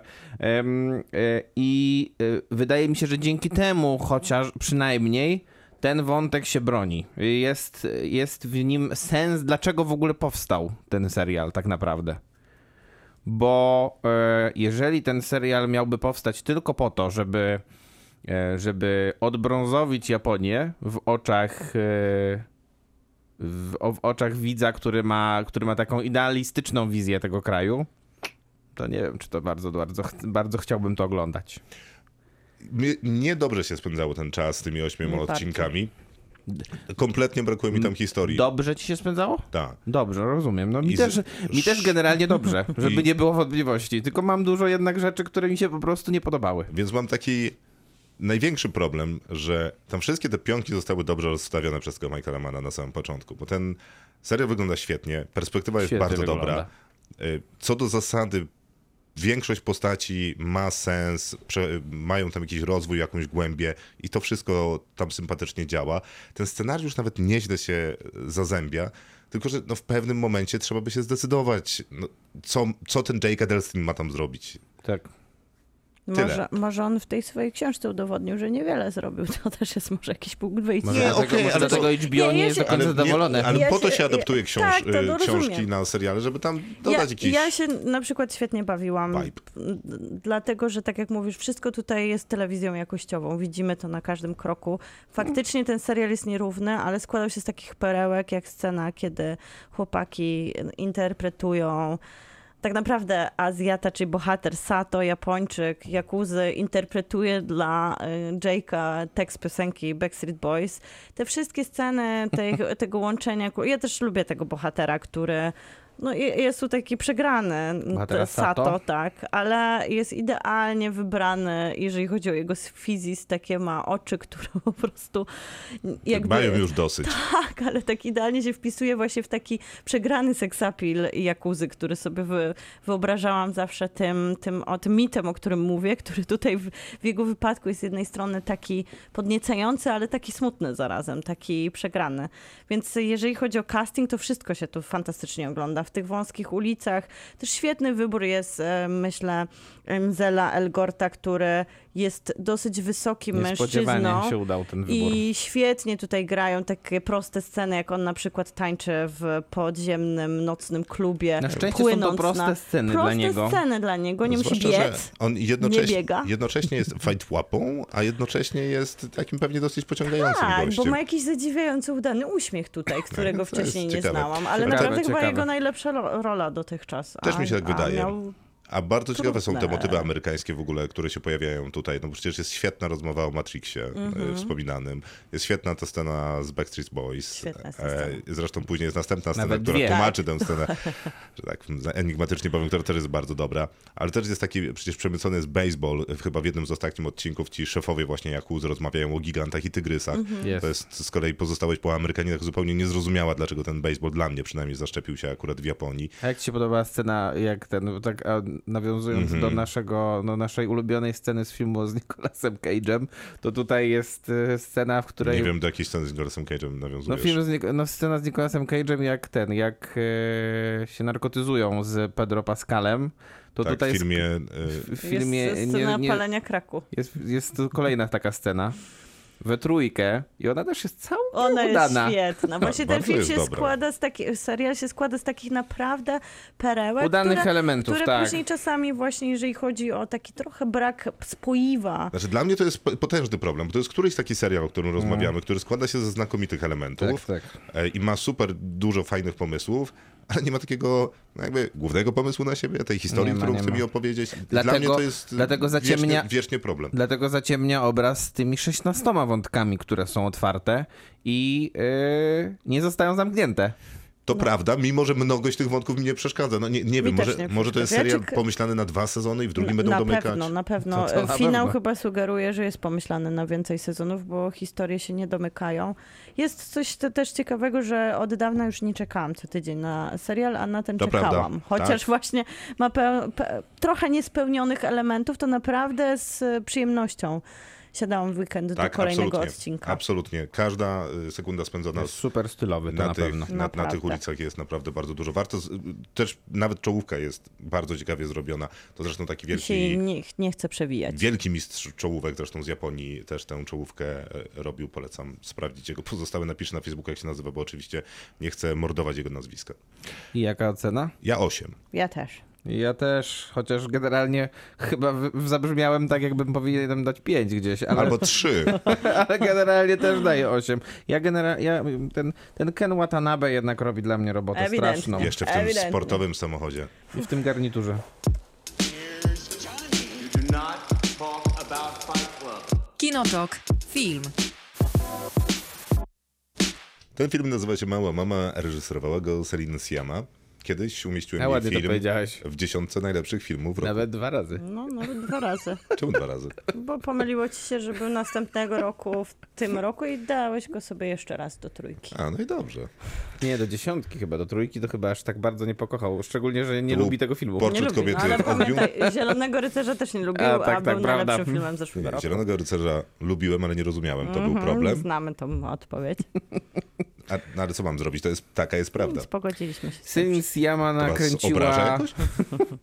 Wróciła do tematów dziecięcych, bo Portret kobiety w ogniu to był jednak e, troszkę taki wyłom w jej karierze, bo nie dość, że zrobiła film o bohaterach dojrzałych, to jeszcze w kostiumie, a tutaj mamy film o dzieciach, które marzą, bo ona robiła filmy o dzieciach Jakie to wcześniej. filmy robiła? A nie Widzi- pamiętam, Widziałeś? nie pamiętam A, tytułów. Znaczy, no, no robiła Girlhood, no to był powiedzmy o, też w pewnym sensie o dojrzewaniu i dzieciństwie, e, no, ale może nie tak bardzo. Natomiast y, portret kobiety w ogniu faktycznie był jakimś wyłomem w jej karierze, no bo chociażby bardziej chyba na tę kostiumową. No i kostium, tak, tak. No E, bo o kobietach kwestie. to rzeczywiście większość. I wydaje mi się, że wspaniale się odnalazła w tym kostiumie, no bo to jest y, pod względem re- reżyserskim taki dopięty na ostatni guzik film. Dlatego mocno mnie zaskoczyła Mała Mama, bo to, to jest taka bardzo mała, 70-minutowa, zresztą jest króciutka opowieść o dziewczynce, która mm, jest w trudnym okresie, ponieważ e, ode, odeszła jej mama, Nie, odeszła jej babcia. e, przepraszam, babcia, e, i oni się spotkają w domu Tej babci. tej babci, który jest w takim miejscu, powiedzmy, już z perspektywy, którą nam Selim Siama ustawia, magicznym, ponieważ tam jest las. Teraz, tak, tak. Magiczny. E, w sensie tak, Tak, to widać symbolicznie. Ka- no. w kamerze Selim Siamy to wygląda faktycznie tak, jakby za drzewem ko- e, chował się elf, a Same te kolory nawet na to wskazują. tak, tak. To w sensie to, dokładnie tak jest pokolorowany film. To jest też taki moment w, w Brązy, roku, że to jest jakaś taka bardzo tak. wczesna jesień, ale już taka pociągnęła y, las swoimi kolorami. I ona będzie się spotykać właśnie ze swoją y, Mamą. wyjątkowo podobną do siebie koleżanką, w zasadzie wyglądającą dokładnie tak samo. Ona ma 6-8 lat. Osiem chyba. No jakoś tak, bardzo młoda dziewczynka. Tak, i yy, w, tym w tym samym czasie, kiedy ona spotyka się z tą swoją koleżanką, jej mama opuszcza rodzinę i yy, po, po czasie dowiadujemy się tak naprawdę, kim ta koleżanka jest, bo, bo jest to jakby jej mama, tylko w wersji w takim wieku, jakim ona aktualnie jest, ta główna bohaterka. To jest przepiękny pomysł na film, bo spotkanie się, taka sama myśl, żeby spotkać się ze swoimi rodzicami, nie wiem, z mamą, albo z tatą, albo z jednym i drugim, w wieku, w którym jest się w tym momencie nawet, w tym, tym w- ze z ich odpowiednikiem w moim wieku, czyli tyle, ile ja mam teraz lat, to tak spotykam ojca. I też, Naprawdę, I też przy okazji spotyka też babcię, która już nie żyje. tak, to naprawdę chciałbym pogadać z ojcem, e, który w moim wieku, teraz siadamy i tam gadamy, jak tam nasze spojrzenie na świat wygląda. Wydaje mi się to super fascynująca perspektywa. Nie wiem, czy jest to taka super fascynująca perspektywa, jak ma się 8 lat, e, no ale być może, bo Celine Sciamma jednak ubiera to w trochę inne, nie takie codzienne motywy, no bo jednak tam jest jeszcze ta żałoba. Tak, ale ubiera to jednak też w motywy takie bardzo, e, bardzo ludzkie, w sensie tam nie ma, to nie jest, to nie jest film e, na, na zasadzie, stworzony na zasadzie, nie wiem, realizmu magicznego. No ja nie jestem pewny, czy nie jest. Znaczy, nie jest w, z punktu widzenia jakby e, jakichś trików reżyserskich, czy nie wiem, e, jakichś przeskoków, e, czy, czy pokazywania tego wizualnie bardzo, bo to wszystko jest tak bardzo minimalistyczne i zniuansowane i subtelne. E, No bo, bo, te spotkania to jednak nie, to, to nie, nie polegają na tym, że on, nie wiem, przechodzi przez jakieś magiczne drzwi, tylko po prostu Idzie do lasu. idzie do lasu i, się, i spotyka drugą osobę i z tą drugą osobą potem rozmawia o bardzo przyziemnych tematach, nie wiem, je z nią płatki czy coś takiego, czy robi naleśniki. Mm, I na tym polega ta, to budowanie więzi ze swoją matką tak naprawdę e, i poznawanie jej dzieciństwa. Tak, więc wydaje mi się, że pomysł jest naprawdę fascynujący. Wydaje mi się, że taka własna zabawa tym pomysłem w głowie, co też mógłbym powiedzieć swoim rodzicom, albo co oni by mi powiedzieli, gdybym spotkał ich teraz w moim wieku, jest fascynująca. Natomiast w tym filmie dla mnie nie ma niczego fascynującego. I wiem, że wiele osób rozczula ten film i do nich trafia. Naprawdę nie wiem dlaczego, ponieważ faktycznie jest tam bardzo dużo subtelności, bardzo dużo niuansów. To są subtelności i niuanse, które moim zdaniem udzielają ten poziom z ten film z tego poziomu emocjonalnego. On nie trafia, zupełnie gdzieś grany jest obok mnie. Mam takie wrażenie, że widzę Celine Siamę, która stoi w tym lesie i mówi ten, do tych dziewczynek ciepłym głosem, co one mają robić, bo ona widzi tę perspektywę jako wzruszającą scenę. I to jest tak bardzo ustawiane i tak bardzo widzę tam rękę reżysera, że nie mogę tego wyrzucić z głowy. To trwa 70 minut i jest super prostą opowieścią. I to, że coś jest proste, minimalistyczne i oparte na jednym pomyśle, nie znaczy, że działa. Moim zdaniem ten film nie, nie rezonuje w ogóle. Tylko, że no, powiem tak, ja obejrzałem ten film dwa razy i ostatnio raz y, w, wczoraj. Ja tak Wie- półtora. Więc, więc jestem w stanie, więc, więc wydaje mi się, że e, i, i co więcej zmieniłem co do niego bardzo mocno zdanie po tym drugim pokazie, bo pierwszy pokaz na Nowych Horyzontach e, był męczący i tak jak powiedziałeś, e, odbić się można było od tego filmu bardzo. Mm, Ze względu na to, że Celine Sciamma jest jakąś perfekcjonistką, jeśli chodzi o reżyserowanie, bo e, to jest tak samo wyreżyserowany film jak Portret kobiety w ogniu. Okej, Tylko, tylko, że, tylko, że reżyseruje... Mm, okej. Tylko mogę? Tak, no.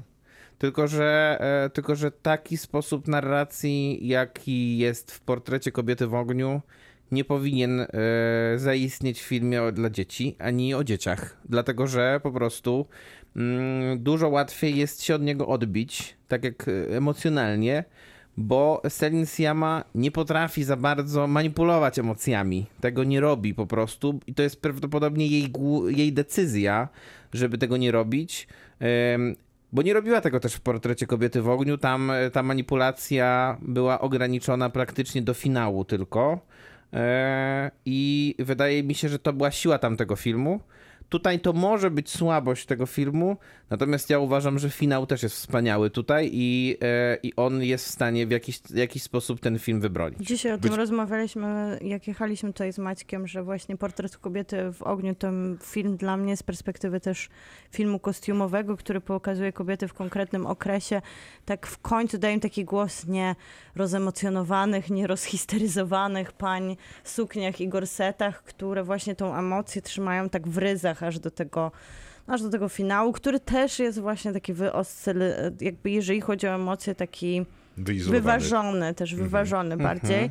Ja mam problem z oceną tego filmu, bo ja go nie powtórzyłam i Nowe Horyzonty, nie wiem czy to było też przemęczenie materiałem, że ten film tak się odbijał od tego nowohoryzontowego tempa. Był taki spokojny, krótki, bardzo właśnie ten, jednak ja tam odczułam ten realizm magiczny, który mnie wprowadził Nie, nie, w stan jest, tylko to nie- uśpienia tylko mówię, to i ja jest- go przespałam To jest inny realizm magiczny jednak. To nie jest realizm magiczny, który widać, nie wiem, w filmach e, po- powiedzmy Michela Gondry.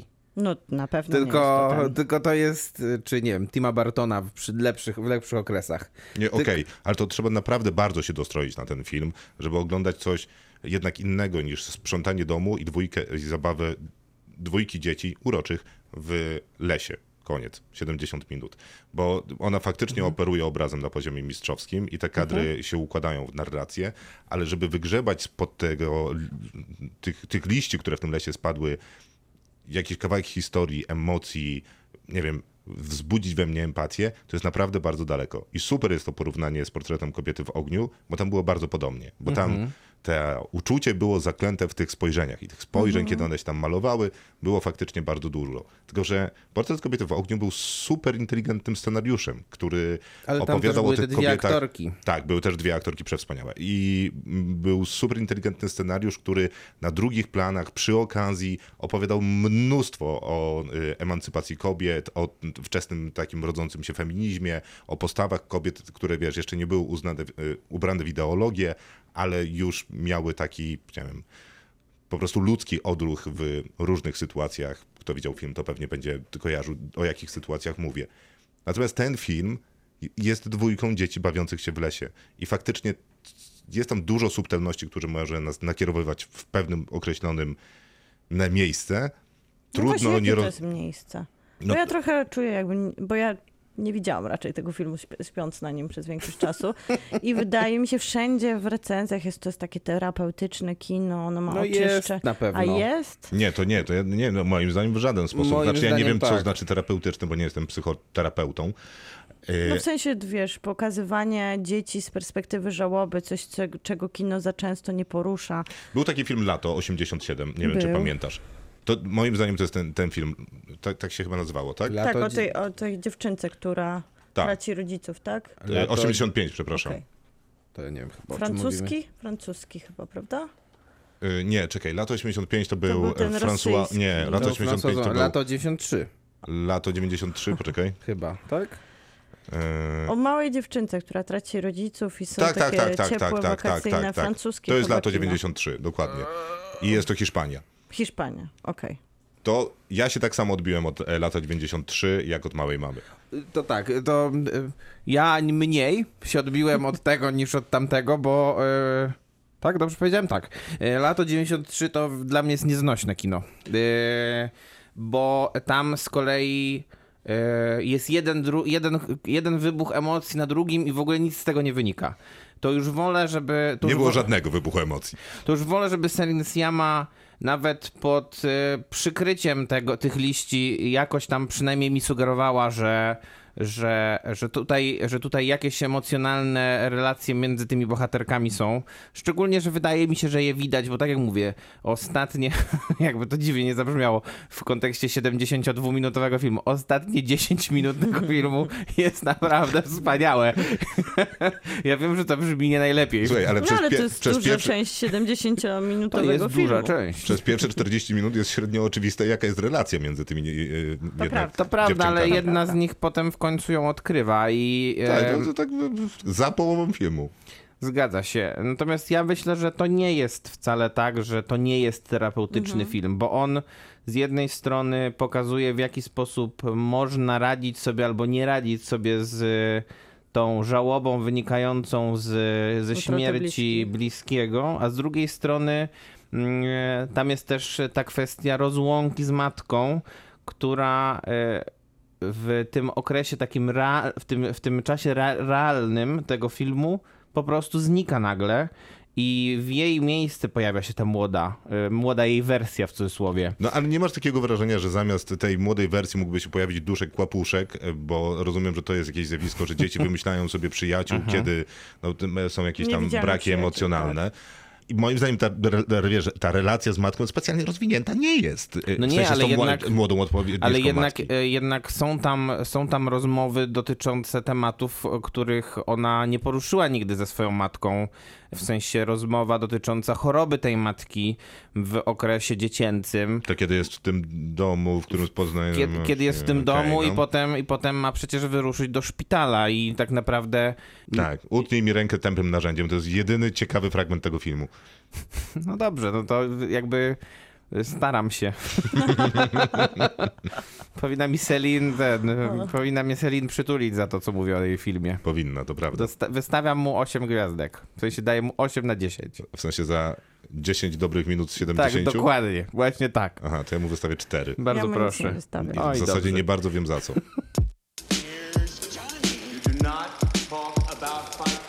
Kinotok.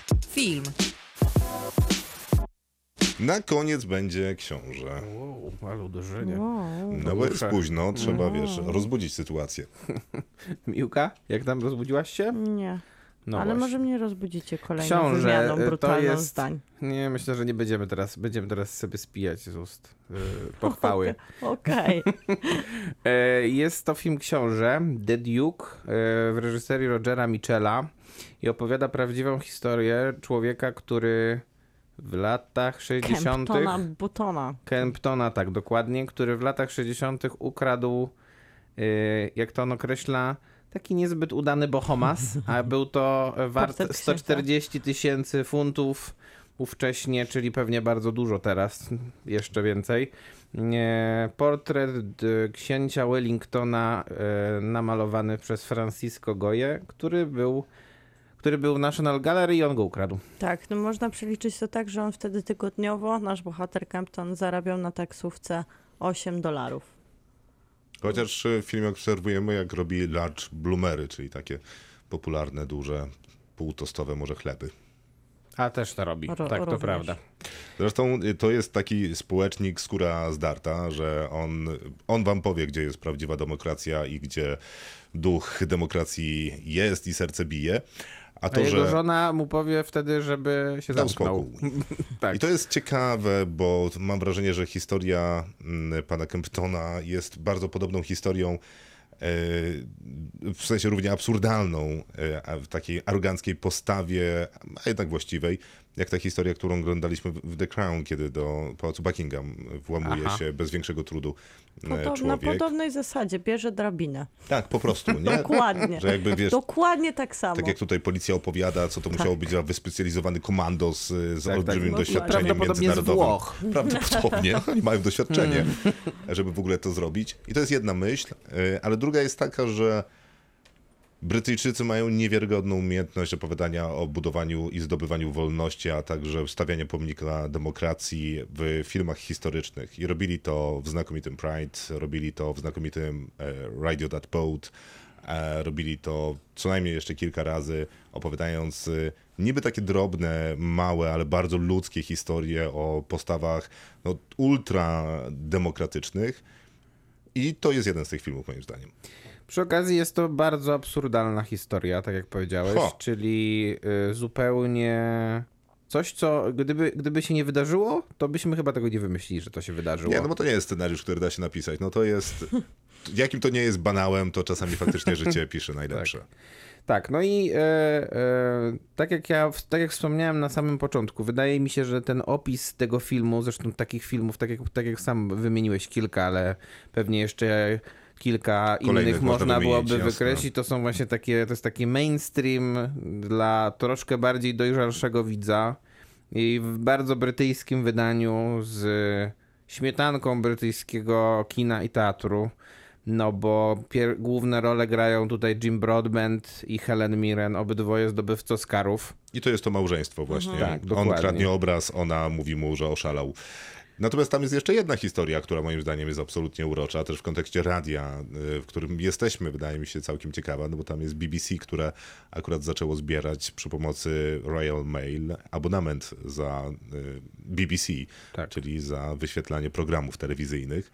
E, No i on też walczy y, z, z tym pomysłem, ponieważ on mówi, że on BBC nie odbiera. Nie odbiera, więc nie będzie płacił. Co miałoby sens, ale niekoniecznie inspektorzy czy też poborcy tego, tej opłaty, bo to Zresztą- nie podatek, e, są No zresztą też Zresztą jest... jak po- skonsternowani jak i raczej poda- mocno się nie zgadzają. Jak ten film podaje, zresztą jak ten film podaje, dopiero ta opłata została zniesiona 40 lat później. I Czyli też- od tego 60 któregoś roku, w którym ten film się toczy, do, aż do 2000 bodajże roku. Znaczy abonament jest do dzisiaj, ale chodzi o to, że No, jeżeli nie masz BBC, to tak. nie- nie musisz Tak, dokładnie. płacić za Mhm. telewizor, to pewnie zmieniło się kryterium. Przy, Pewnie tak. No To, o abonamentu. o co walczy w Polsce w też jest zresztą dyskusja na temat Oczywiście, tego, jak oczywiście. powinien być ściągany I on abonament. też jest Robin Hoodem, bo on nie tylko walczy za siebie i swój odbiornik, tylko chciałby, żeby tak to dotyczyło większości ludzi, a zwłaszcza Bo on walczy o weteranów. sprawiedliwość I społeczną. on tak? walczy o Dokładnie. We sprawiedliwość wszystkich społeczną. aspektach.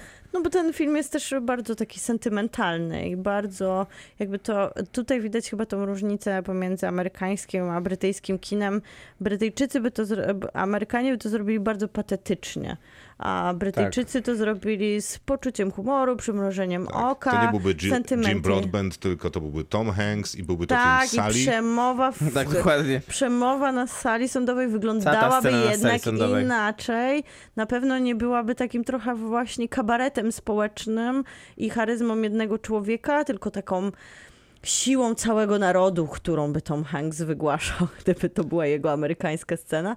Tutaj ta skala się po prostu No tak, przesuwa. ale trochę tak jest, że kinematografia y, często opowiada bardzo dużo o danym narodzie. Brytyjczycy w ten sposób o sobie opowiadają, co wydaje mi się bardzo ciekawą opowieścią o tym kraju, a Amerykanie w takiej, jak ty opisałaś, co pewnie też jest ciekawą No opowieścią, oczywiście. y, co jakimś budowaniem tożsamości. Nie? Ja Mówiliśmy trochę- o tym ostatnio przy okazji Pachinko, nie? że to też To jest taki prawda. tożsamościowy y, serial. Ja bym tu trochę chciała może minimalnie więcej anarchii i cynizmu, bo jest tutaj bardzo dużo różu w kolorze brązu.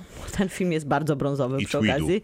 I tweedu, dokładnie. I nie wygląda przez to, wygląda Nie, nie jak właśnie... wygląda najlepiej. Nie wygląda najlepiej. Chyba chciał być taką sentymentalną, dosłownie też podróżą filmową i wszystko w sepi pokazać, Powiem ale to- sepia nie jest dobrą drogą do pokazywania Powiem to zanim ty sobie sama byś to powiedziała, ale powiem to za ciebie. Proszę bardzo. Wygląda tak telewizyjnie troszkę. No, Troszkę dokładnie, tak wygląda. Dziękuję, Ale Maciek. wsadzamy już do tej beczki łyżkę dziegdziu, no to też mi się tam nie wszystko podoba, bo te tony, na których ten film jest wygrywany, to są tony, które są dla mnie zrozumiałe, jasne i oczywiste. Wiadomo, sprawdzone. Tak, ale ja, ja tak trochę chciał, żeby ta Helen Mirren była Ja no może trochę chciała.